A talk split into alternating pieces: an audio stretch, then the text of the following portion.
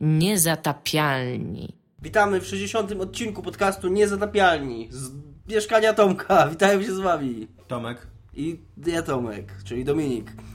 Sezon ogórkowy w grach i świecie ogólnie pojętym rozrywki i w ogóle w świecie ogólnie pojętym świata trwa w najlepsze, więc będziemy rozmawiać w dzisiejszym odcinku o ogórkach. A konkretnie o tym, że Double Fine wypuściło w końcu publicznie dokument z produkcji swojej przygodówki, znanej wcześniej jako, Broken, jako Double Fine Adventure, a później jako Broken Age. I mam ja przynajmniej pewne wrażenia i przemyślenia po obejrzeniu paru odcinków tego dokumentu i pewne wstydliwe wyznanie. Będziemy rozmawiać o tym, o plotkach na temat tego, co dzieje się w Konami. Są to plotki poparte artykułem w renomowanym czasopiśmie, gazecie renomowanej biznesowej Nikkei i malują one, tak mówiąc brzydko po angielsku, malują one bardzo negatywny obraz tego, co dzieje się w filmie Konami i, i wokół Kojimy, wokół Metal Geara i w ogóle wszystkiego tego, co związane z tworzeniem gier w tej firmie. I na koniec porozmawiamy o ostatnich wakacyjnych hitach, które widzieliśmy w kinie i mamy jakieś tam swoje wrażenia, przemyślenia. Jedne nam się podobały, inne nie podobały i, i tyle. Tak, i to są tematy. I jeszcze możemy pogadać o Breaking News. Breaking news. Tak, Tomek ma gracze, prosto z konferencji. Gracze Xboxa będą mieli early access do multiplayera Homeworld Home, 2. Homefront, Home tak, Homefront 2. 2. E, to jest wiadomość prosto z konferencji Microsoftu, możemy to potwierdzić, e, że tak, gracze, fani serii Homefront, to, to już jest seria, która ma fanów. Mogą, marki, nie seria, marki, to jest marka. Marki Homefront mogą liczyć. No żałosne to jest. No Microsoft, ale ostatnio czytałem ale newsa, możliwe, że... tam coś wcześniej mówili, bo dopiero włączyłem mm, na to. Czy, czytałem newsa, że Microsoft nie będzie już wydawał pieniędzy na ekskluzywy. Bo po tym, co zrobili z Tomb Raiderem, cała ta akcja wokół tej gry była... Tak? I co, myślisz, że to kopnęło ich? Nie, myślę, że po prostu tak powiedzieli, no tyle, żeby sobie poradzić wizerunek. Jak teraz, teraz jak, e, bo teraz niedawno e, w końcu chyba pewnie jakieś tam embargo zeszło i Square Enix mogło w końcu powiedzieć, że kiedy tak. będzie na PlayStation. I na PC. I na PC, więc Microsoft, żeby tam trochę Nie podbudować wizerunek. Podbudować, tak. Na PC szybciej trochę, więc ty będziesz miał niedługo po Xboxie. Tak bo to jakoś początek roku, czyli tam... Bardzo mi się podobała wypowiedź tego człowieka, który powiedział, że, było, że jest mu strasznie przykro i że to w ogóle łamie jego serce chyba, że jest tylko, będzie tylko na Xboxa najpierw. I tak, to jest dokładnie taka wypowiedź, która pasuje do tego, żeby nie płakał całą drogę do banku. Tak, dokładnie. Bo to koniec ze Square, koniec ze Square Enix powiedział, tak? Tak. Przecież to była ich decyzja. To nie znaczy, no, była to pewnie biznesowa decyzja. Pewnie ale do nich Microsoft pokazał tak. im walizkę z pieniędzy i powiedział tyle. Co? No tak, ale dokładnie, ale to jest decyzja, którą nadal oni podjęli świadomie mając tylko dokładnie, znając konsekwencje tego, kiedy w związku z tym gra się ukaże na PC i kiedy na PlayStation 4 będzie mogła. No ale to jest jedna z takich sytuacji jak z Wiedźmina, że obojętnie co wybierzesz to źle. A rok później Square Enix dowie się, że tam starszy producent zmarł na raka, nie? takie, myślę, takie obrazki, takie kadry. Dwa tak, a w kraju zapanował chaos w ogóle. I żołdacy Sony przejęli władzę, nie? Palą wioski teraz. Tego trzeba, trzeba uważać, jak, jak się takie decyzje biznesowe podejmuje. Pewną decyzją biznesową było również, y, o czym się ostatnio dowiedziałem przy okazji wypuszczenia dokumentu na temat Double Fine, po y, nawiązanie przez Tima Schiffera współpracy z firmą Two Player Productions nad y, dokumentem wokół, wokół powstawania gry Double Fine Adventure. Jak się okazuje, co jest wiadomością znaną, i to nie jest nowa, nowy fakt, ale ja to ostatnio na Wikipedii przeczytałem teraz przy okazji tego dokumentu, że w okolicach listopada 2011 e, Two Player Productions, ta firma, e, skończyła, bo oni robili dokument o noczu. Mhm. I skończyli robić ten dokument i chcieli, e, zastanawiali się nad jakąś taką bardziej wnikliwą produkcją, dłuższą, która by bardziej tak pokazywała, jak się tworzy gry w współczesnym świecie. I, właśnie rozważali, żeby, żeby zgłosić się do Double Fine że, że to jest na tyle duże studio, że, że jakby tworzy już na takim poziomie jak wysokobudżetowe studia, na tyle małe i na tyle jeszcze kameralne, że można to jakoś tam ludzko pokazać i, i wygodnie. I studia zaczęły tam rozmawiać nad tym, jak ten projekt jak ten projekt mógłby przebiec i Schaefer wtedy z, powiedział, że y, nie miałoby sensu kręcenie takiego dokumentu, kiedy oni by robili grę dla jakiegoś producenta. Bo wtedy on by za bardzo ingerował w produkcję i to by nie, był, nie byłby to ich kreatywny proces, więc ten dokument nie wyszedłby taki fajny.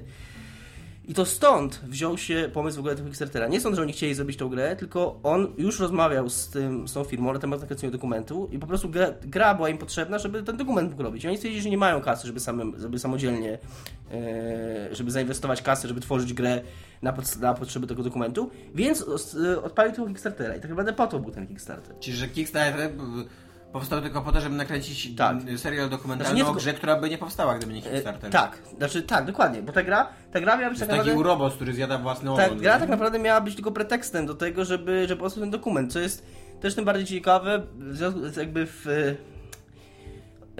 w świetle tego, co ludzie teraz mówią o tym dokumencie i z tym się jestem w stanie zgodzić, yy, może zgodzić, przynajmniej zrozumieć ten punkt widzenia, że on jest lepszy od gry. I teraz coraz częściej, tak, po, po, tym takim, kiedy już tak opadł, opadł ten pył i tam gonitwy, coś tam opadł kurz i gdy... Ogary poszły w las. Nie, gdy emocje już opadną, jak po wielkiej bitwie kurz, y, to... Nie pokonani. to, y, to jakby, to jest taka perspektywa, że ta gra nie wyszła do końca, ale tak naprawdę chodziło o ten dokument i ten dokument jest super i bakerzy, ci ludzie, którzy wsparli, mówią, że oni są szczęśliwi, że wpali, bo ten dokument mógł powstać. I ja, bo jest... muszą coś powiedzieć, żeby nie było, być że może, pieniądze. Nie, być może, ale też prawda jest taka, że dosyć przytomni ludzie zauważają, że tak naprawdę Tim Schafer nie obiecał tam, że Yy, że to będzie, że, że, powstanie jakaś super gra. On obiecał, że oni spróbują zrobić grę i tam on nawet dokładnie mówi, że albo wyjdzie dobra gra, albo nie wyjdzie i będziecie mieli przynajmniej dokument. Że on tam dosyć, dosyć otwarcie o tym mówi. E, I, i ten dokument jest naprawdę dobry, go się naprawdę dobrze ogląda. On ma taką swoją fajną strukturę, on fajnie pokazuje to właśnie jak już w czwartym, piątym odcinku, jakim się zaczyna kasa kończyć, bo mi się wydaje, że i teraz... Ile ma odcinku? 20? 20 odcinków po jakieś 20-30 minut. To jest taki konkretny sezon serialu, nie? Mhm. Yy, I... Yy, I mi się trochę wydaje, że ja trochę wierzę w to, co, co, oni, co on mówił, że tak naprawdę planem było za 300 tysięcy 300 tysięcy dolarów miała ta gra kosztować. To miała być jakaś mała gierka w rodzaju flaszówki, albo czegoś na telefony, zrobiona w 5-6 miesięcy, po to, żeby tam móc, móc nakręcić tam krótki filmik dokumentalny. I po tym, jak im się ten budżet zwiększył, to im się skala tego projektu tak rozrosła, że oni troszkę, troszkę przestali go ogarniać. Oni sobie troszkę, troszkę za ambitne cele postawili. I jest taki moment, już, już teraz, w tym siódmym odcinku, e, który mnie bardzo uderzył, kiedy oni zastanawiają się, czy by nie, nie do jakiegoś wydawcy. Mhm. I wtedy ktoś mówi, że nie, bo to by było zaprzeczeniem wszystkiego, co y, jakby, czy, czy, czego symbolem stał się ten Kickstarter. I z jednej strony jakby można to podziwiać i tak kiwać głową z uznaniem, że, że fajne podejście, ale z drugiej strony na przykład Obsidian zgłosił się do, tego, poszedł do wydawcy, poszedł do Paradoksu i wydaje mi się, że dobrze na tym wyszli. Bo oni mogli być w podobnej sytuacji. Bo oni też zebrali tam te 3-4 miliony i to też mogło być tak, że skala tego projektu ich przelosła i to też widać w drugiej połowie i pod koniec Pillars of Eternity, że ta gra się tak zwęża. Na początku masz, masz, wiesz, masz taką wizję, że to będzie takie super RPG otwarte, że tam jest tyle questów, tam jest tam wielkie miasto, tam jest taka otwartość, tam jest ten świat. Po czym im dalej w ogóle quest, tym bardziej jakby tak się korytarzowo robi. I bardziej już się konkretnie kieruje w stronę zakończenia, czyli, też widać, że w pewnym momencie zaczęli gonić terminy. Ale mieli kasę jednak, żeby tę grę skończyć. Broken Age, ja jeszcze nie grałem w drugi akt, ale z tego co czytałem, z tego co Iga opowiadała i z tego co wszyscy piszą, no to przede wszystkim bardzo widać, że mi się po prostu skończyły pieniądze że to wszystko na tych samych lokacjach, a oni tam z tego co pokazują, to oni niesamowicie ambitnie podeszli do stworzenia. Tam było wszystko ręcznie rysowane przez artystów, to było wszystko ręcznie animowane, to było... Oni swój silnik stworzyli od początku. Też nie wiem, czemu nie zdecydowali się. Może też oni po prostu sobie nie, teraz spekuluję, nie? Pomyśleli sobie, że jeżeli część tych pieniędzy zainwestują w zrobienie silnika, to później będą mogli ten silnik wykorzystać do innych gier swoich i jakoś tam im się w dłuższej perspektywie ta kasa zwróci wtedy. Że to będzie taki, taki, trochę taki bonus dla nich, nie? że jeżeli napiszą silnik, to to, to później, e, wiesz, będą mogli z tego korzystać w innych grach. E, I, I mówię, i być może to jest decyzja Obsidiana, żeby, żeby pójść jednak do tego wydawcy i okej, okay, gracze pokrycili nosem, ale to jest też znamienne, co sam Schaefer mówi w tym dokumencie, że zresztą to jest taka mantra, którą się często w game devie powtarza, że e, takie rzeczy typu opóźnienia, typu problemy w produkcji, to się pamięta do czasu wyjścia gry, mhm. a jeżeli, jeżeli, gra jest dobra, to dobrą grę, dobra gra zostaje, tak? Yy, I, I to jest coś, co się Obsidianowi udało. Obsidian, Pillars of Eternity, ok, gracze mogli trochę pokręcić nosem, że, że wprowadzili nagle tutaj wydawcę, którego miał nie być. Trampolina. No ale ta gra wyszła dobrze, więc koniec końców, co, co to kogo tak naprawdę obchodzi, że się logo Obsidian tego paradoksu pokazuje, nie? Przed uruchomieniem gry. No to tak naprawdę nie, nie, nie robi ludzi. No a Double Fine poszło taką ścieżką, jaką poszło. Yy, I a, a moje wstydliwe wyznanie jeszcze miało być, ja po 4 czy 5 odcinkach tego programu kupiłem grę za 22 euro.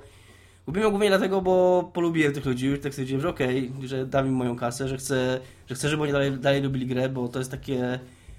bardzo ich humanizuje, nie wiem jak można powiedzieć. Tak uczłowiecza ten filmik. Bardzo Mhm. właśnie, masz tam, on ma konkretnych bohaterów, ty, ty się y, zaczynasz y, lubić tych ludzi, ty ich rozpoznajesz tam się tym, czym zajmuje przy tej grze, bo to jest dosyć mały zespół. Jest tam jakiś e, wątek romansowy w tle na przykład? Na razie jeszcze nie mam tego samego, ale, ale, masz, ale jest trochę takie, że masz tam właśnie bohaterów, masz tam, masz oni taki zespół, jest jakiś ten, jest ten w ogóle, tam pojawia się bardzo dużą rolę w tej produkcji tej gry i w tym dokumencie ma praktykant, ten, który, nie, wiem- nie wiem czy pamiętasz tą historię, kolesia z Niemiec, który zrobił grę, No. przygodówkę, żeby, i on jest praktykantem właśnie przy, przy Double Fine Adventure i tam robi animacje do tego i takie tam storyboardy, takie, takie nie wiem, czy- nie wiem, czy storyboardy nazywa, takie e, proste animacje, które, nie storyboardy, to są narysowane.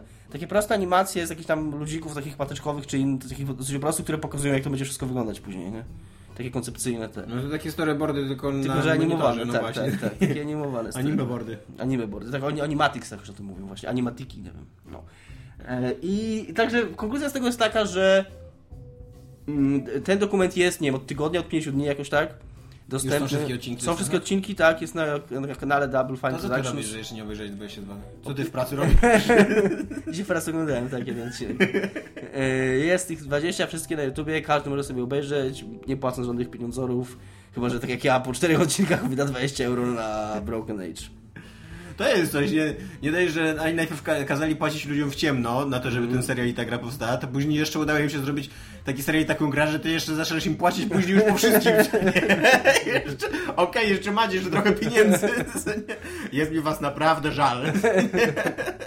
Tak, jeszcze powiem- dzisiaj no, to powtórzę, to, y, to już tylko wiem, jest bardzo fajny wątek w, w siódmym odcinku u Johna Romero, do którego Tim Schafer się zgłasza, żeby mu polecił serwis do jego muscle cara. Jest porównanie samochodów, są dosyć podobne samochody, ale Johna Romero jest taki wycyskany, dopieszczony, tam się cały świeci, a y, John Romero, tak, a Tima Schaefera taka rozpadająca się rudera i tak, i fajne zestawienie ich właśnie. No, ten, Schaefer mówi to John Romero, że ich samochody odzwierciedlają ich sukces w branży gier.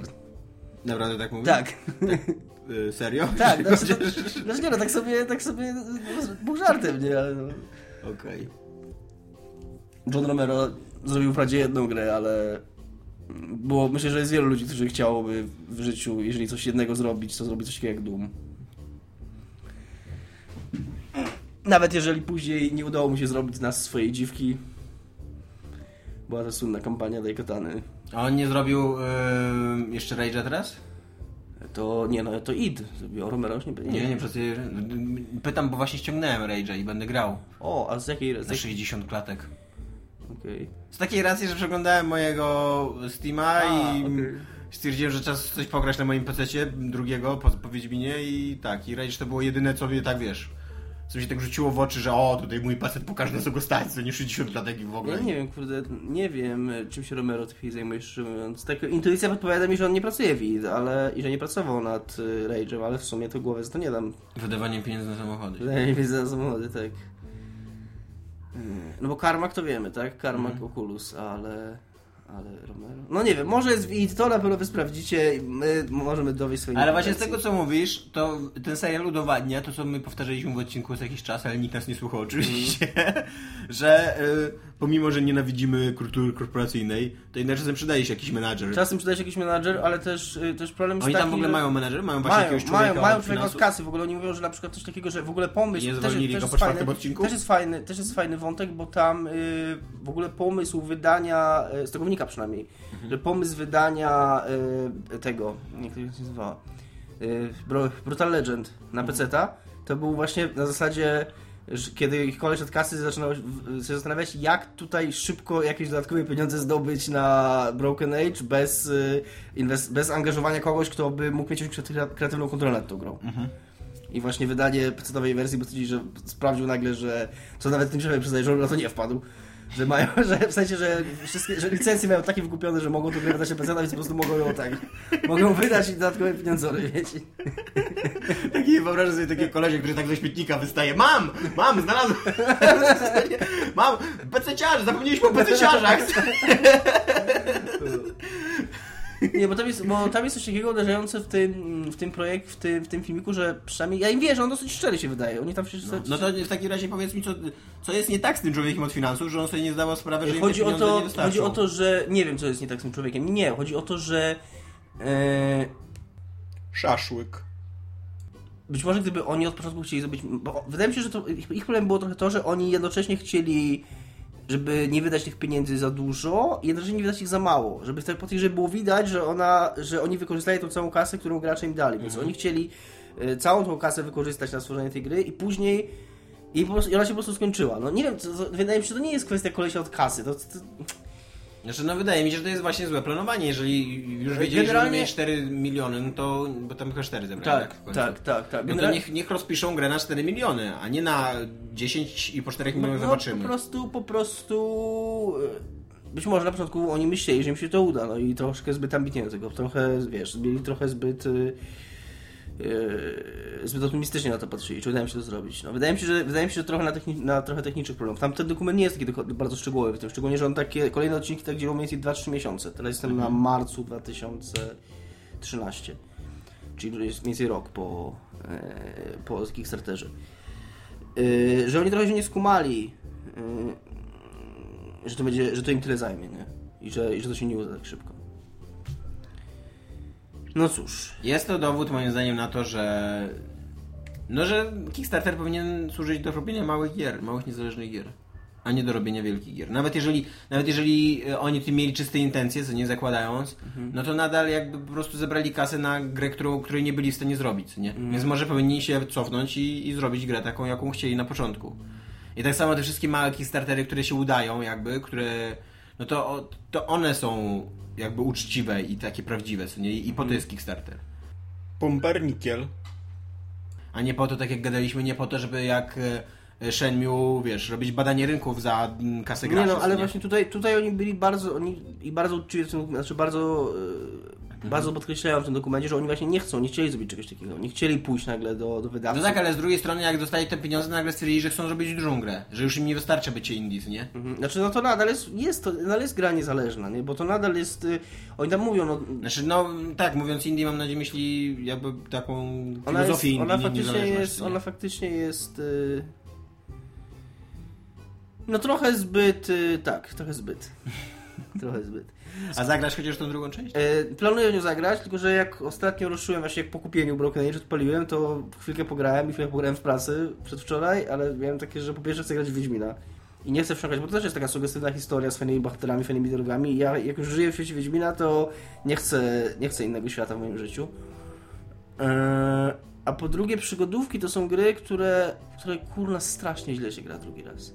I ja z jednej strony minęło na tyle dużo czasu, ja tak miałem save'a, ale, ale gdybym miał save'a, to minęło na tyle dużo czasu, że ja już nie pamiętam tak dokładnie tej fabuły i wolałbym sobie przypomnieć i zagrać jeszcze raz przed przejściem drugiej części. A z drugiej strony pamiętam, pamiętam ją na tyle dobrze, że średnio mam frajdę z tego wszystkiego. I te żarty mnie już nie śmieszą, bo już je słyszałem. I ta historyjka mnie nie wciąga, bo już ją znam. I, i zagadki nie są żadną zabawą, bo znam rozwiązania. Więc no... A z tego co też czytałem na recenzji, w recenzji Honor Paper Shotgun, że gra w ogóle nie ma czegoś takiego jak Previously On, że jakiegoś przypomnienia, jak dla kogoś, kto zaczyna. Może to jest bardzo dziwna decyzja. Biorąc pod uwagę, że tam minęło z półtora roku od wydania pierwszej części. Yy, No ale... Więc, więc to powiedz mi nie. Powiedz mi nie, ruszę to i postaram się przejść wtedy. A skoro już mowa o studiach, które za wysoko stawiają swoje cele i później mają problemy z y, spełnieniem ich i pakują się przez to w problemy finansowe, podobno Metal Gear Solid 5, jak podaje Thomas James, z, w- wypowiadając się dla gazety biznesowej Nikkei, kosztowało ju, już w kwietniu 2015 budżet gry przekroczył 80 milionów dolarów. Taki, że zanim w ogóle się zaczęła cała draka z tym, Z Kojimą. z tak. Kojimą. I podobno na tym etapie ktoś w Konami powiedział stop. Yy, I, I zaczął poganiać Kojimę i zaczął wprowadzać rządy silnej ręki, mające doprowadzić do tego, żeby w końcu zarabiać pieniądze. Podobno, a przynajmniej zarabiać, a, a, albo chociaż zarabiać więcej niż zarabiali, bo oni chyba strat nie przynosili. A przyczynkiem do całej tej sprawy było była sytuacja z 2010 roku jeszcze. Właśnie to jest w kiedy, powsta, kiedy powstała gra mobilna Dragon Collection i ona się stała wielkim hitem. Pytanie w ogóle za 100 punktów. Kto, kto z graczy, którzy czekają i się ich ekspor- ekscytują w ogóle tym, co będzie z Metal Gear Solid, słyszeli o takiej grze, e, bo to jest chyba mobilka w ogóle, Tak, tak, jak tak. Dragon Collection, bo to wszystko przez to. Ktoś w Konami, ktoś w Konami zobaczył, że to jest gra, która kosztowała nic, tak. a przynosi olbrzymie pieniądze, a tu obok jest Metal Gear Solid, a tu w międzyczasie tam obok trwało później Metal, Metal Gear Solid 5 i jak doszedł do 80 milionów, to jest kurde, czemu my to robimy w ogóle? Że to jest takie w ogóle... E, to jest, dla mnie to jest takie symptomatyczne, jeżeli chodzi o, o twoje, twoje życie w korporacji. Najgorsze, co możesz zrobić, najgorsze, co się może wydarzyć, to jeżeli korporacja odniesie sukces. Bo to znaczy, że nagle zaczyna działać taka spirala, taka spirala zarabiania pieniędzy. Że nagle, nagle ktoś zauważył, że to się da robić lepiej i szybciej i mniej, niższym kosztem, właśnie tak jak tutaj. Więc teraz w ogóle ja jestem pewien, że tam było takie spotkanie i ktoś zadał to pytanie, dlaczego my w ogóle nie robimy tylko mobilek? Tak. dlaczego, dlaczego my w ogóle robimy wysokobudżetowe gry, które tam kosztują ze 100 baniek, a zwrócą się pewnie, nie wiem, no 400-500 baniek, co nie będzie te, te, tego, tego rzędu zwrot, co nie? I jest to z punktu z biznesowego punktu widzenia całkiem sensowne pytanie. Tylko nie wiem, czy gracze będą zadowoleni z odpowiedzi na takie pytanie. Tak, tak. Przy okazji, co, to co jeszcze pisze ten autor tego artykułu w Nikkei, e, jest, to jest dosyć interesujące to, co zaczęło się dziać w Konami po, tym, po tej całej sytuacji z Metal Gearem i wokoło tej całej sytuacji, że producenci, którzy popadli w niełaski, i którzy nie chcieli opuścić firmy, byli wysłani do pracowania przy taśmie, w, w, bo Konami ma, ma, fabryki, które produkują te maszyny pachinko. Mhm. To są jakieś takie tam japońskie giereczki i... Leszek Miller. Każdy, kto był w Japonii wam powie, że pachinko to jest big deal w Japonii. Okej. Okay. Niektórzy, którzy byli w Japonii nawet wam powiedzą to 10 razy. I nie mamy robić nikogo konkretnego. Yy, I, I ci nawet mówią, że nawet tak, tacy wysoko postawieni, nie tylko szczegółowi pracownicy, ale też producenci czy coś, byli wysłani, żeby pracowali przy tych maszynach, ale żeby, co tu jeszcze było? Żeby pracowali jako strażnicy bezpieczeństwa, ciecie po prostu. Tak, normalnie tacy deweloperzy growi? Tak, a nawet, y, nawet wysłano ich do sprzątania w klubach fitness należących do Konami jako sprzątaczy, więc... Trochę mi się nie chce w to wierzyć. No tak, y, tak, y, podobno jest w tym artykule stoi. To też jest dosyć ciekawe, że podobno tak jest, bo on jest z japońskiego i e, jest tłumaczony dopiero i jakby tak. to wszystko są z trzeciej ręki tak mniej więcej informacji. Nie dość, że to są, nie dość, że one są zapośredniczone już w, artykule, tam pewnie są jeszcze z jakiegoś źródła, a nie tak bezpośrednio. To jeszcze później my, my się dowiadujemy tego z angielskiego serwisu, który to z kolei tłumaczy z japońskiego. Nie, to nawet nie serwis. To oni się powołują na tego właśnie e, Thomasa Jamesa, który pracuje jako tłumacz gier. Aha. I bo do tego Nikkei trzeba mieć subskrypcję. Więc oni nawet sami nie mają no subskrypcji. Oni się powołują na kogoś, kto ma tą subskrypcję i rozumie japoński i to przeczytał. Także... Więc jest to w ogóle jakiś... Jeżeli się bierze pod uwagę, że my to wzięliśmy z Eurogamera, nie wiem czy to jest, tak. czy to się pojawiło na Eurogamerze jako pierwsze, ale no to jeżeli bierzesz pod uwagę, że y, oni teraz jest ta cała dyskusja od roku czy półtora o standardach dziennikarskich, jakie powinny zacząć obowiązywać w, w, w dziennikarstwie no to to nie jest żaden standard. Mhm. To, że jakiś człowiek ma subskry subskrypcję i przez przypadek być może zna japoński mhm. i nam to przetłumaczy i my zrobimy z tego newsa na cały świat, no to to jest i, I właśnie ja tak też czytałem, bo jak ty napisałeś, że. Bo to, e, Dominik w ogóle w agendzie napisał, że oni szczoteczkami do zębów kible. Ja tak trochę mogłem. Wait, what? trochę mogłem e, hiperboli użyć, e, zajmując ten temat. No, no i, i, i tak się zastanawiam, że kurde, no. Nie wiem, czy ja w to wierzę. Wierzę, że obojętnie jak, jak zła korporacja. Pączek że wysyłała był uzdolnionych deweloperów jako cieciów, wiesz, żeby pilnowali, kurde. Nie, ja ciągle, ciągle, Czy to się ciągle, nie opłaca? Ja ciągle mam z tyłu głowy taką małą nadzieję, że to się okaże, że to jest wszystko jakiś mindfuck Kojimy. który tuż przed premierą wyjdzie i wszystkim zaśmieje w twarz, bo może to, to by się nawet sklejało. Nie? Może teraz ludzie, na, może się, się okaże, że tej gry z 2010, tego Dragon coś tam Collection w ogóle nie było, tylko oni przez wypuszczenie takich plotek teraz pobudzą zainteresowanie tą grą, ludzie zaczną ją ściągać, tam będą ukryte jakieś przekazy do, Dokładnie. do Metal Gear. No byłoby to zajebiste, to prawda. To był w ogóle taki, taki gigantyczny eksperyment, wiesz, marketingowy. No niestety mało prawdopodobny, żeby to się okazało prawdą, ale, ale wierzymy. Ja muszę powiedzieć, przyznać się, że e, jestem trochę zaintrygowany Metal Gear Solidem 5. Nawet się zastanawiam przez moment, czy go nie kupić teraz. On wychodzi już za miesiąc. Mm.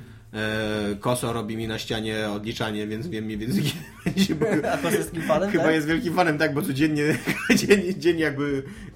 E, ja, nie mam tych, ja nie mam tych update'ów od Kosa, może jak potem nie lajkowałem. No, może tak. Nie, ja mało, ja od niego rzadko mam update'y. Ostatnio od niego miałem smutnego banana, który był spoko. Smutny Mana był spoko? No. A nie był smutny? Znaczy był smutny, no ale spoko był przekaz tam, że haha, szchmat wegetarianie. Okej. I powiem ci, że e, oglądam teraz w kółko ten trailer e, z muzyką e, Michael Oldfielda, Nuclear, Mhm. tam leci kawałek, taki zajebisty kawałek, totalnie lata 80. Mhm. E, taki górnolotny rock, nie wiem jak to nazwać, to jest taki jakby rock opera, coś takiego, Mhm. nie? Taki zapomniany gatunek. I, I na maksa kupuję w ogóle ten, ten kawałek, a przy okazji on tak totalnie pasuje, właśnie taki, wiesz, taki górnolotny rok, tak totalnie pasuje do gier Kojimy. I taki mam szacunek do niego, że on wyciągnął taki kawałek, wiesz, gdzieś tam z czeluści historii, że się zastanawiam, a przy okazji ta gra zajebiście wygląda, jak na takich filmikach. W ogóle to jest problem z MGS-ami, że jak ci ktoś mówi pomysł na MGS, to, to, to, świetnie brzmi, rewelacyjnie. Nie? To, że wiesz, że będą jakieś super ninja, co nie, że będzie nie wiadomo co, że oni będą używać wtedy mocy psi i, i tam nanomaszyny w ogóle wejdą, wszystko to w ogóle w, w tym, w komunizmie, w ZSRR, co nie, tam kobieta będzie rzuci w ogóle bombę nuklearną własnoręcznie i tak dalej, i tak dalej.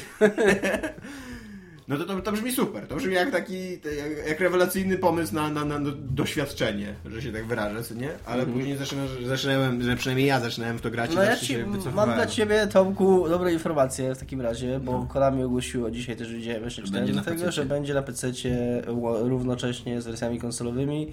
Według wcześniejszych planów miała być gra później, nie tam z miesiąc czy dwa.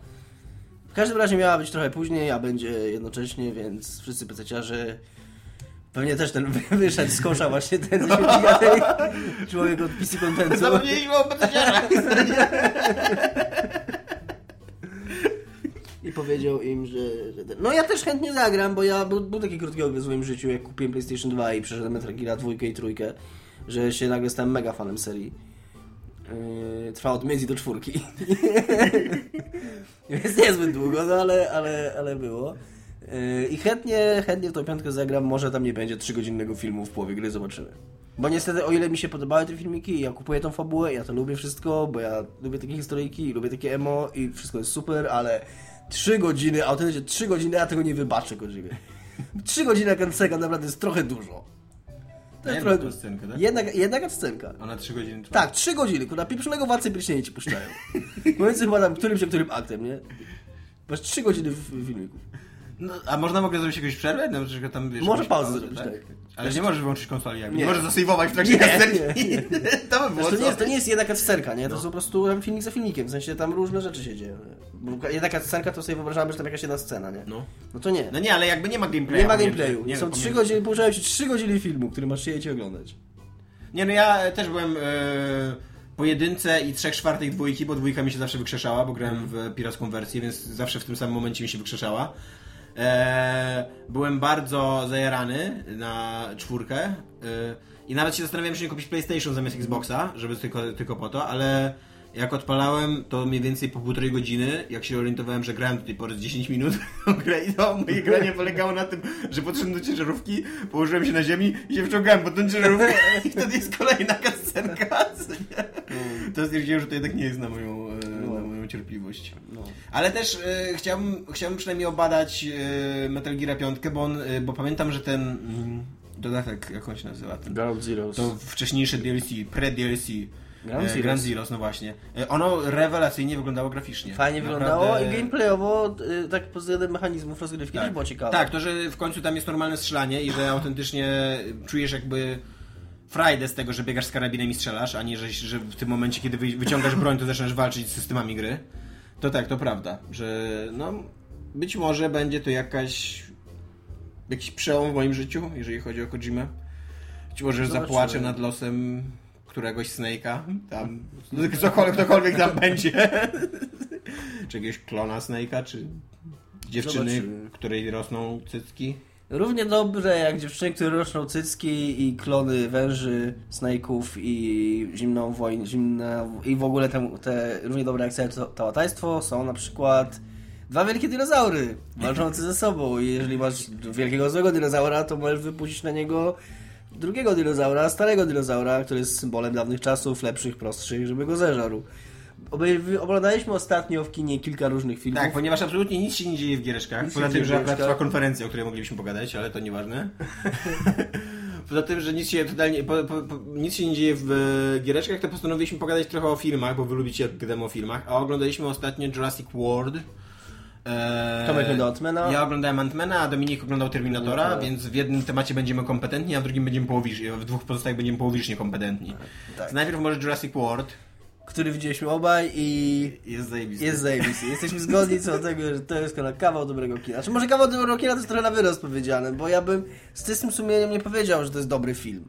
Chociaż w swoim gatunku, w swoim gatunku jest, jest takim ładnym... Yy nie wiem jak to powiedzieć, hołdem dla kina lat 90. jest takim, jak ta muzyka wchodzi, ten, ten temat Johna Williamsa, tak. to jest takie, akurat czujesz się, czujesz się trochę... To łezka wokół się kręciła.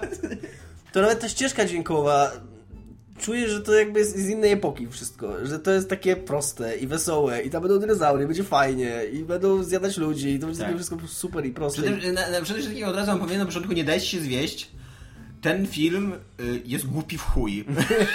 że tak to delikatnie ujmę. Tak jest, prawda, zgadzam się z Tomkiem. Ale to jest jednocześnie film, to jest jeden z tych y, dobrych filmów głupi chuj, bo ten film, który sobie zdaje sprawę z tego, że jest głupi w chuj. I absolutnie nie próbuje twierdzić, że jest inaczej. I, tylko, i bawi się tym, i cieszy się tym, tak, i, i, i, wciąga w tą zabawę widza. To prawda. Jest, y, jest zaskakująco zabawny, tam się w ogóle dzieją e, na, na maksa pojebane rzeczy, jeżeli chodzi o, o te wszystkie dinozaury, bo... E, nie wiem, czy to jest spoiler, w ogóle czy można zaspoilerować film o wielkich dinozaurach, ale jeżeli tak, to przewincie tam sobie o 30 sekund mniej więcej. Bo on się kończy pojedynkiem raptorów z y, tyranozaurem, z Indominusem Rexem i na końcu sam wskakuje taka wielka dinozaurowata ryba, która w ogóle pożera tego. Zajebiste to jest. Taka kropka na D, takie, taki ostatni fajerwerk. Jeszcze za mało, jeszcze, co by tu jeszcze wyjść? Ej, a pamiętacie, że mieliśmy tego wielkiego rekina dinozaurowego? tak, tak, to prawda, to prawda. To prawda, jest taki film trochę jak ten park, w którym, e, o którym opowiada. Tak, tak po prostu więcej, głupiej, bezsensowniej, ale jest z tego radocha i gawiec się cieszy. To jest prawie, że takie jak w tym, jak w domku, w domu w środku lasu, tak? Tak się nazywa tak, film? Cabin in the Woods. Cabin in the Woods. Że widzowie tego chcą, widzowie się bawią, widzowie będą zdenerwowani, jak nie będzie wielkich dinozaurów pojedynków. Fajne jest, fajne jest.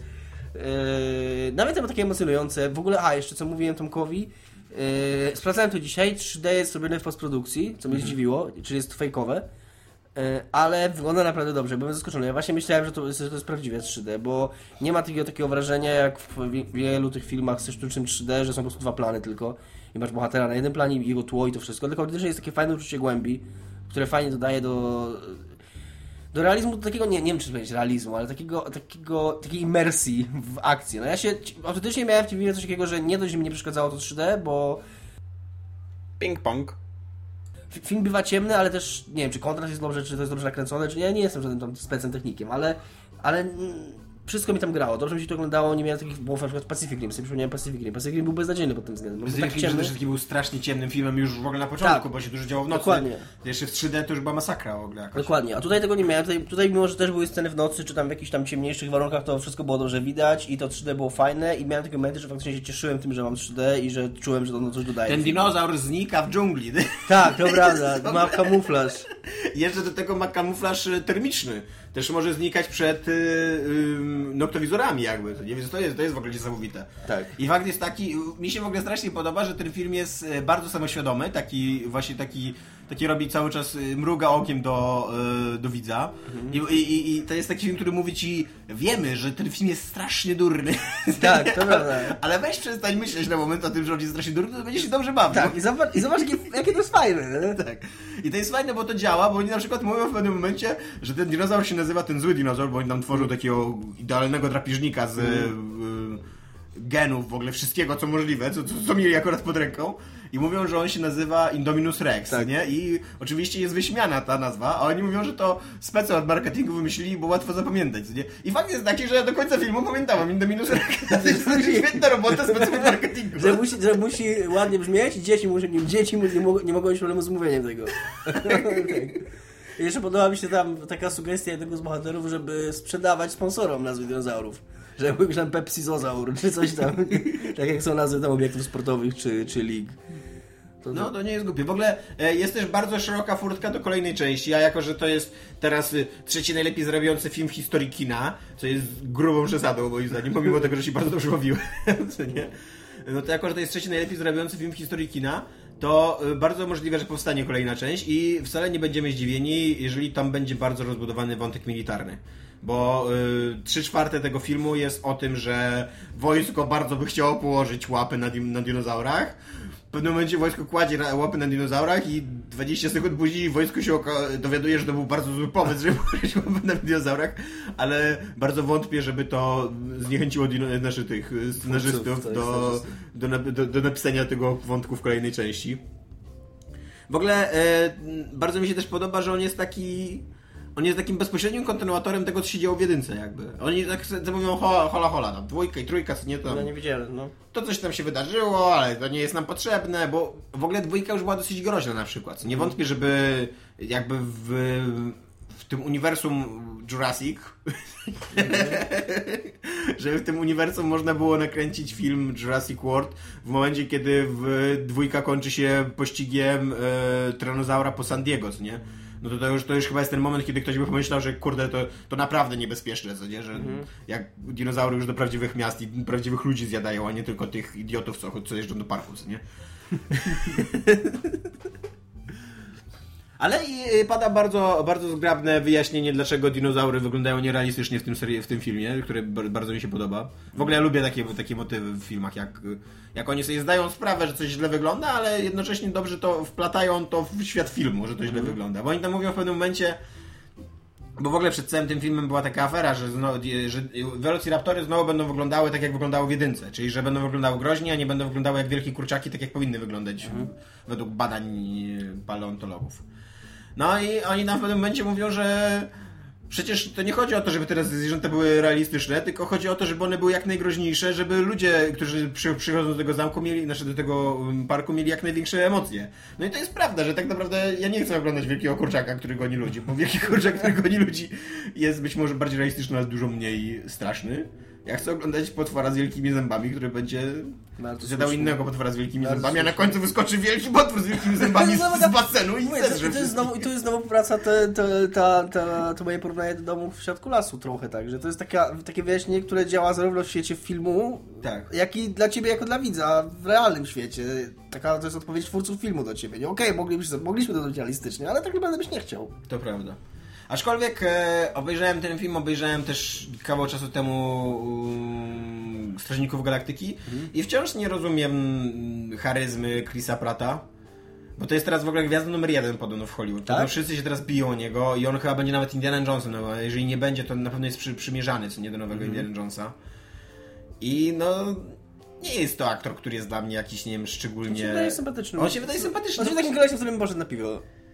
I byłoby fajnie pewnie. On się wydaje takim Ryanem Reynoldsem trochę. To, to, są- to jest fajny aktor, ale to nie jest pierwsza liga, co nie? To nie jest na przykład No nie tak, wiem, ale- Edward Norton. No tak, ale być może do takich filmów jak e, Jurassic World albo jak nawet Indiana Jones nie jest potrzebny Edward Norton. Bo w tych filmach nie potrzebujesz aktora, który ci przyćmi całe widowisko z dinozaurami i pościgi i wybuchy. Nie, nie potrzebujesz takiego aktora, który będzie skupiał na sobie całą uwagę, jak stoi, jak stoi w, w kadrze. Chociaż A tak, to wie, wiesz, że teraz umniejszałbyś Harrisonowi Fordowi, a nie chciałbyś tego robić. No to prawda, nie chciałem tego robić. No ale Harrison Ford niestety też nie jest wybitnym aktorem. To jest prawda, tak. Ale ty powiedział... On jest dokładnie takim samym typem jak Chris Pratt. To jest taki sympatyczny koleś, taki, taki dobry wujek. No, to coś w tym jest, co mówisz, tak. I, ale jest mega ładna ta pani, która tam biega w szpilkach. Jest spoko ta pani. Chociaż e, to jest akurat ten moment, kiedy moja e, wiara w ekran, w to, co się dzieje na ekranie upadała. W momencie, kiedy on mi powiedział, że to jest kiepski moment, że biega, że ona w ogóle biega w tych szpilkach i to jest bardzo kiepskie. I ona nie zmienia. I ona nie zmienia tych szpilek do końca i biega w tych szpilkach i to no, nie, nie, nie wygląda to fajnie. Wygląda jak Ciri w szpilkach. A nie lubię Ciri w szpilkach. No. It's me, Mario. Tymczasem... Chociaż, jest w tym trochę coś, tylko szybko dodam, takiego znamiennego, że dopóki ta pani jest e, silną, niezależnią, niezależną, zdzierowatą bizneswoman, to jest, wygląda brzydko, a jak się staje e, trochę brudną, trochę zmoczoną, trochę zmęczoną i trochę podległą mężczyźnie, kobietą, to staje się atrakcyjna. Tak, i e, jakkolwiek nie podobało mi się to, co tam Joss Whedon zrobił, e, że zdisował w ogóle trailer filmu, którego jeszcze nie widział, to muszę się, po obejrzeniu tego filmu, muszę się totalnie z nim zgodzić. A że on ta, ta, no, on skrytykował tą scenę jako ta pani rozmawia z tym panem przed przyczepą kempingową. Że tam jak próbuje go z um, Chrisa Prata. W ogóle, w ogóle to jest też taki film, który ja nie pamiętam, ja pamiętam w ogóle nazwę dinozaura, ale nie pamiętam ani, ani jednej im- imiona postaci. Tak, te filmu. postacie są totalnie archetypiczne i on jest taki, to mówił, powiedział, to, nie, to mi niekoniecznie przeszkadza nawet, Nie, ale on jest taki, jeżeli chodzi o y, rolę płci w fabule, czy tam w historii, to jest taki bardzo klasyczny. Jest Tak. dzielny pan, jest pani, która musi, musi po prostu poddać, pójść za nim i mu zaufać. Nie, ale uważam, że to jest zabawne, że a imię, nie, i- imię dinozaura zapamiętaliśmy. To, to, to, to, tak tak, nie pamiętam, jak się bohaterem. nazywał ten, no. A pamiętasz imię tego? Y, mm, raptorów? Bo one też są nazywane. Był Delta, był Tak. Blue. No, aż... By, były, bo to one są. Tak, tak, tak. No, pamiętam Delta i Blue. Blue była najważniejsza. A, a jak się Chris Pratt nazywał, jak się jego laska nazywała, jak się dzieciaki Jak się nazywały. jak się ten bogaż nazywał, nie? No, a pamiętam z jedynki, cały czas pamiętam Hamonda, co nie? Tego, yy, no... Bogacza, który zakładał. Eee, w każdym razie coś jeszcze chciałem powiedzieć. A, no i że ta scena, ona jest strasznie słaba. Jest scena? właśnie, no, ta, jak ona go tam werbuje, on jej mówi, że te zwierzęta chcą tylko polować, y, oddychać i posuwać się. Jeszcze robi taki gest, o, i musisz się identyfikować przynajmniej z jedną tych potrzeb.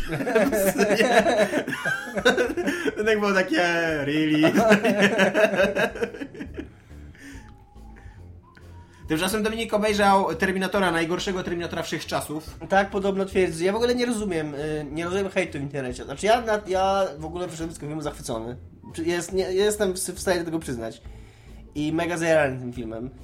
Yy, on się, ja się na nim super bawiłem. On się super, tak, tak, no dokładnie na takiej samej zasadzie jak Jurassic World. Bo być może dla ludzi, którzy traktują y, mitologię Terminatora, czy w ogóle Terminatora jako serię poważnie i mają jakieś tam oczekiwania co do niej i jakieś wspomnienia z jedynką i dwójką i kupili to, bo ja nawet nie słyszałem o tym, bo dopiero później przeczytałem o tym, że ta, że ta, to miała być taka prawdziwa trójka.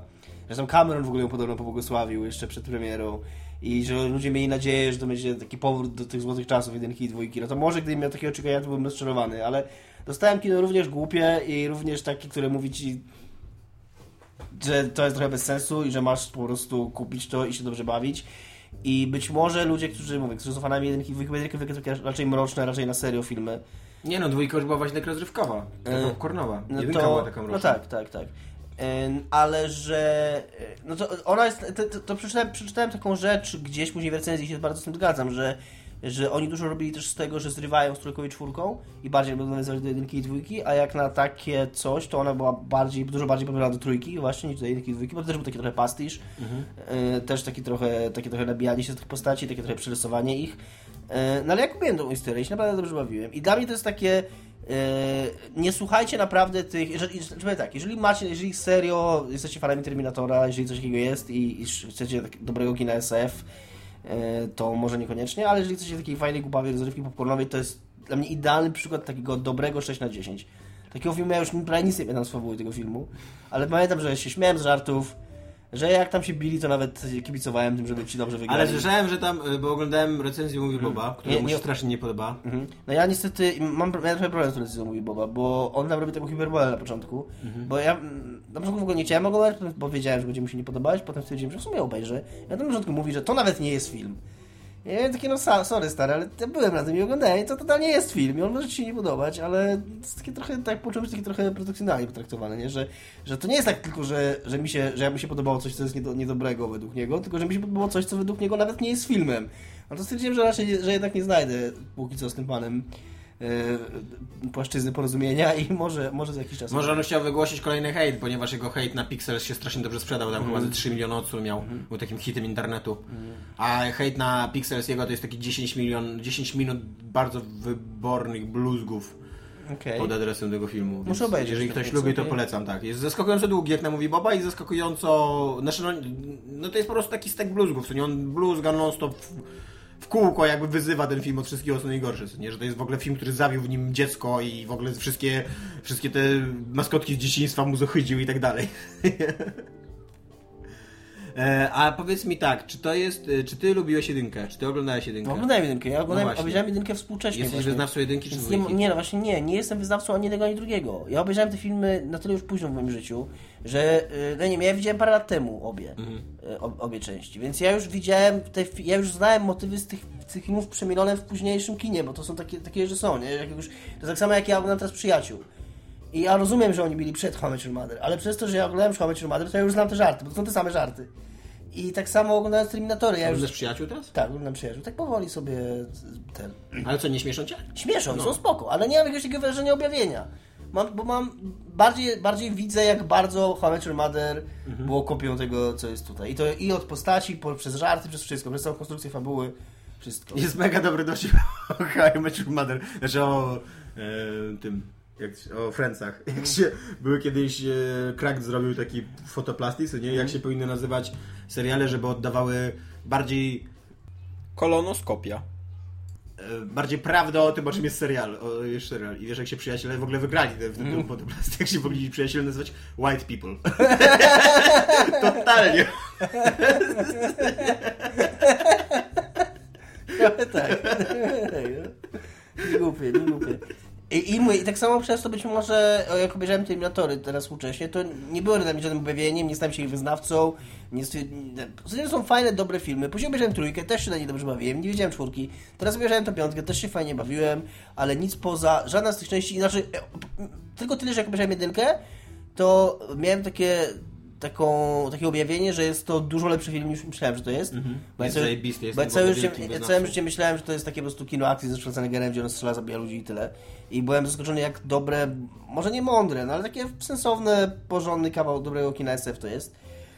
I jaki jest taki mroczny i właśnie przygnębiający, że to nie jest właśnie Tak. taki popcorniak, co nie? Tak, ale no to już trójka, ta cz- piątka zupełnie taka jest. Piątka jest totalny popcornia, gdzie Schwarzenegger jest śmieszny i ma fajne one-linery i wszyscy są śmieszni i nabijają się z tego. I, i, i faktycznie jest tak, że to Owsiany powiedział, y, że faktycznie jest uderzające w tym filmie trochę to, że y, jakby y, równowaga sił jest zupełnie inna niż w jedynce. Że oczywiście jakby na papierze ten Skynet to jest tam wielki, wielki komputer, który rządzi wszystkimi maszynami, ale w rzeczywistości to to ludzie są na wygranej pozycji w tym, w tym filmie, a Skynet się desperacko broni. I właściwie od początku filmu tak jest, bo film się zaczyna rozwaleniem Skynetu i, i tym, że Skynet podejmuje ostatnią desperacką próbę uratowania siebie. I przez cały film ludzie właśnie go dobijają po prostu. I to jest od początku wiadome, że, że oni wygrają, bo taki jest ten film skonstruowany i zbudowany. I ty oglądasz tak naprawdę nie y, grupkę ludzi, którzy desperacko walczą o uratowanie ludzkości, prze- w- w- wskazanie na porażce wroga, w wojnie z przeważającymi siłami wroga, tylko widzisz triumf, jakby triumfatorskich zwycięzców, którzy już koń, kończą po prostu swój pochód przez, wiesz, po, po ostatecznej bitwie dobijają wroga. Nie? A, wiem co mi się w recenzji Mówi Boba podobało. Co? Że oni tam się podróżują w przyszłość, żeby rozwalić Skynet. Tak. I Mówi Bob mówi coś bardzo sensownego, że podróże w przyszłość zostały wymyślone. To się nazywa mijanie czasu. I że mogli po prostu poczekać, budować jakąś wielką pułapkę i tak dalej, i budować wiesz, przewagę strategiczną. I to jest dosyć mądre spostrzeżenie. To jest dość małe spostrzeżenie. Ale to mi się nawet podobało. Podobało mi się to, podobało mi się to, jak oglądałem ten film i miałem taką myśl, że oni w pewnym momencie tam mówią, oni się tam szybko przenoszą tam do 80 roku, do tego gdzie się toczyła jedynka i później przenoszą do 2017. I ja tak sobie myślę, siedzę wtedy w kinie i myślę sobie, że kurde, właśnie w Terminatorze było fajne to, że się działo tak mniej więcej w naszych czasach, a nie w przyszłości. No. Po czym ja tak mówię, że kurde, 2017 to są dzisiejsze czasy praktycznie, nie? Że to już brzmi w kinie, jak ktoś mówi 2017, to brzmi strasznie futurystycznie. No ja słuchałem teraz, w ogóle chciałem podziękować naszym, naszemu słuchaczowi, przynajmniej jednemu, nie pamiętam niestety twojego imienia i nazwiska, ale wie, że to właśnie o ciebie chodzi. I teraz wszyscy tak wiesz. Za polecenie słuchowiska Blade Runner jest rewelacyjne, jest zajebiste i można go jednak słuchać na rowerze. Nie trzeba koniecznie w ciemnym pokoju w samotności. Więc y, słuchałem go właśnie na rowerze. Jest zajebiste, ale właśnie sobie przypominałem Blade Runnera i to jest, to jest film, który w ogóle, znaczy to jest opowieść, która się dzieje po wojnie nuklearnej, bo wiesz, w zniszczonym świecie, gdzie są kolonizowane planety, tutaj dogrywa ludzkość i są androidy i tak dalej, i tak dalej. On się dzieje w 2019 roku, a oryginalnie się działo w 97 bodajże, Tak, 1997. Tylko później przesunęli datę, bo stwierdzili, że to jest za blisko.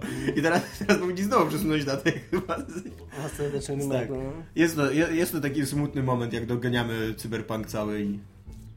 I z jednej strony cyberpunk się dzieje, ale z drugiej strony nie wygląda wcale tak fajnie. Beata Kozidrak. No tak samo... Właśnie, właśnie to jest ciekawe, o tym już rozmawialiśmy kiedyś. Z jednej strony nie wygląda to tak fajnie, z drugiej strony jak się nad tym zastanowić, to kurde, zaskakująco dużo rzeczy jest tak, jak, jak, jak było w tym cyberpunku. A w drugiej, z drugiej strony też zaskakująco e, dużo rzeczy jest dużo bardziej rozwiniętych niż się spodziewali w ogóle, co nie, twórcy cyberpunkowi. Bo tego jak będzie wyglądać dzisiaj sieć, to, to, to, to, to tego nawet nie ma w Ghost in the Shell, co nie? Jak wiesz, jak, jak jest powszechna i... ym, No. No, niemożliwa do wycięcia, że się tak wyrażę. No teraz, z teraz, no teraz coraz częściej się mówi o tym internecie rzeczy.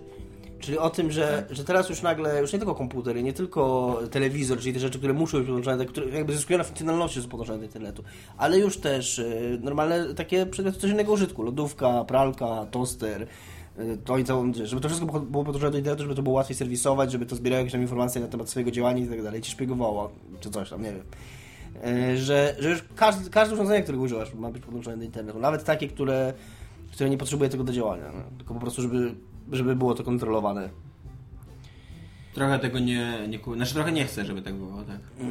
Bo, bo to jest tak jak mówisz, że to nie jest potrzebne w ogóle lodówce, żeby ona była w internecie. No oni, oni Więc chwalą po się ona ma być tym po to, że oni będą wiedzieć, kiedy ona ci się zepsuje, zanim ona ci się zepsuje i przyjdzie do ciebie y, serwis. Jak mi się zepsuje lodówka, to ja zadzwonię na ten serwis, nie Ale potrzebuję. chodzi o to właśnie, że oni, że oni ją naprawią, oni będą wiedzieć, zanim się ona zepsuje. No tak, tak to jest zapowiadane, no. No nie, to jest ten taki moment, kiedy mój wewnętrzny liberał tam głęboko gdzieś, wiesz, Ale e, e, stłamszony w mojej osobowości się budzi i mówi, ja mam wolną wolę, ja Ale nie chcę niestety- państwa opiekuńczego. Niestety pro- problem jest taki, że może dojść do sytuacji, w której nie będziesz miał nic do powiedzenia. wiem. E, już teraz na przykład, ja wczoraj o tym przedwczoraj pisałem, y, była afera z Windowsem 10. Windows 10 domyślnie, nie wiem czy czytałeś o tym, No tak, że zbiera w, strasznie dużo danych. nie, jeszcze inna sprawa. No. On ma y, y, coś w rodzaju własnej sieci peer-to-peer, takiego własnego torrenta do, do udostępniania poprawek, że jeżeli ty ściągniesz patcha nowego, to później system go udostępnia, żeby inni go mogli od ciebie ściągać peer-to-peer. I to jest opcja, która jest w systemie domyślnie włączona. I ona jest tam schowana po- pod 15 ekranem opcji w ustawieniach zaawansowanych jest mały checkbox, które są domyślnie zaznaczone na on. Więc pewnie 90% użytkowników tego systemu I on się normalnie na, na łączu siedzi. Tak, normalnie siedzi na łączu i oni, Microsoft twierdzi, że to wykorzystuje tylko tą część łącza, której ty nie używasz i tak dalej. Ale być może nawet jeżeli tak jest, jeżeli to ci nie spowalnia łącza, tylko wykorzystuje tą część łącza, którego ty nie używasz, to nadal robi to bez twojej zgody, wykorzystuje twój internet, żeby, Microsoft, żeby serwery Microsoftu odciążać, żeby wysyłać innym ludziom patchy od ciebie. No to jest strasznie słabe. No. I oni o tym, oni o tym eksplicitnie cię nie informują. Ta, o, to, wie, tę opcję można wyłączyć i ona jest gdzieś tam. Tylko o tym trzeba gdzieś przeczytać, wejść, znaleźć i to też nie jest jakoś tam super...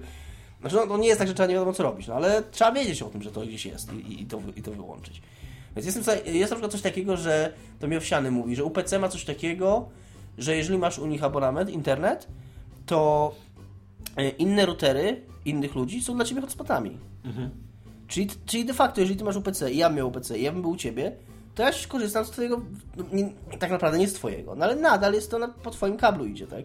Więc ja jestem sobie, nie jest mi wcale tak trudno i jakoś yy, nierealistycznie, znaczy trudno mi, nie jest mi trudno wyobrazić sobie sytuację, w której na przykład um, do producent routerów Dell, nie, nie, nie, nie, nie, nie Dell no nieważne, producenci routerów w każdym razie, yy, jakiś tam Thomson, czy coś, whatever. Producenci routerów podpisują umowę z producentami sprzętu RTV i AGD, taką, że przecież do takiego internetu rzeczy, że mam tam jakieś tam dane diagnostyczne to potrzebne jakieś tam kulabajty, jakieś tam drobny ten, że każdy ich router podłączony do internetu automatycznie bez wiedzy użytkownika i bez ingerencji użytkownika udostępnia część pasma wszystkim urządzeniom AGD znajdującym się w jego pełnieniu działania. I No, koniec. to prawda. Pozamiatane.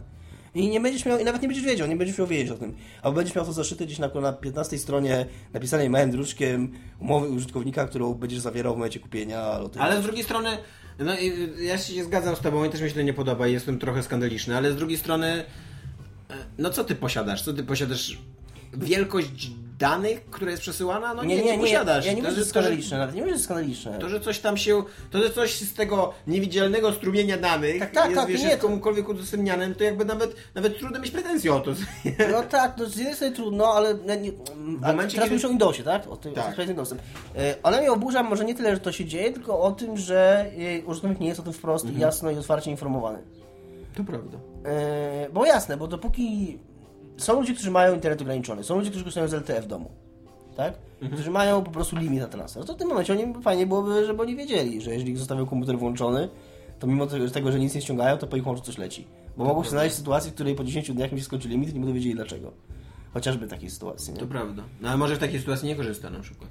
nie wiem, czy Windows ma możliwość, żeby wiedzieć, czy, czy to jest internet po LTE. Nie mam pojęcia. Może ma, okej. Przypuszczam, że, że ma jakoś tam ma, ale no, no w każdym razie to mnie, sprawa z Windowsem mnie trochę oburza, ta sprawa, ta wizja, którą określiłem może mnie mniej oburza, ale nadal no jesteśmy w takim świecie, w którym tak jak a propos, takiego, a propos tego, co, co nas kto wie, to ostatnio człowiek próbował mi sprzedać ubezpieczenie mhm. I mówi, że będę musiał przejść, e, że będę musiał najpierw się zadeklarować e, mój stan zdrowia, a później zostanę prześwietlony przez tą ubezpieczalnię.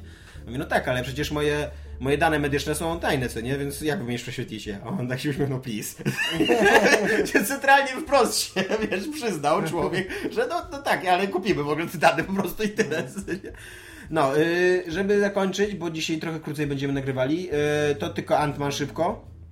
E, Ant-Man to jest taki film, y, taki 7 na 10 najkrócej, jeżeli już też musicie kończyć. Czyli lepszy niż Terminator, gorszy niż Dużo Jurassic. gorszy niż, niż Jurassic World. To jest taki film, moim zdaniem, który, gdzie, w którym, na którym Marvel doszedł do tego momentu, kiedy zaczęło się Marvelowi wydawać, że oni robią naprawdę dobre filmy, a nie tylko posiadają fajnych bohaterów i jak, w jakiś sposób udaje im się tych bohaterów, wiesz, e, fajnie wykorzystać. Bo Ant-Man to jest film, który przez pierwszą godzinę próbuje być taką komedią familijną. I jest wtedy strasznie nudny.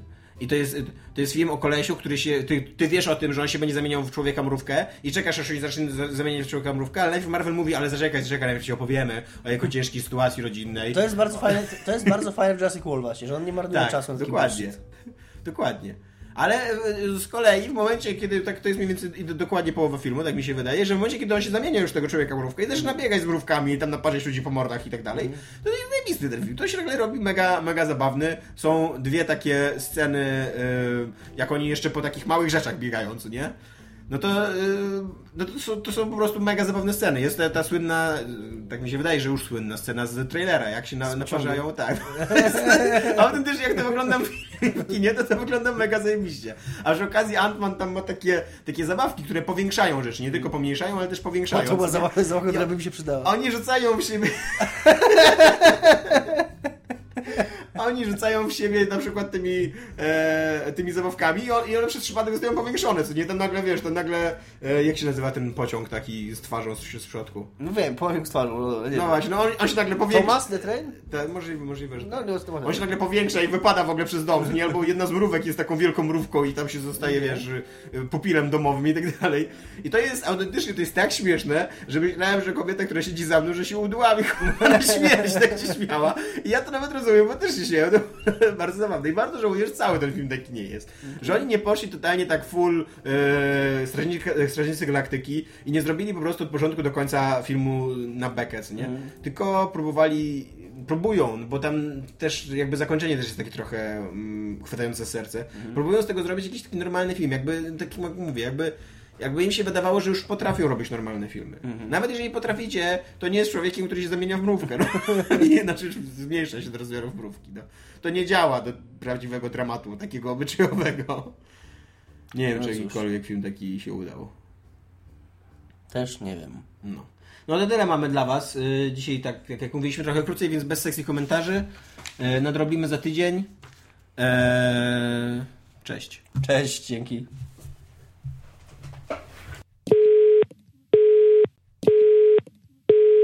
Ogórek, ogórek, ogórek, zielony ma garniturek i czapkę i sandały. Zielony, zielony jest cały.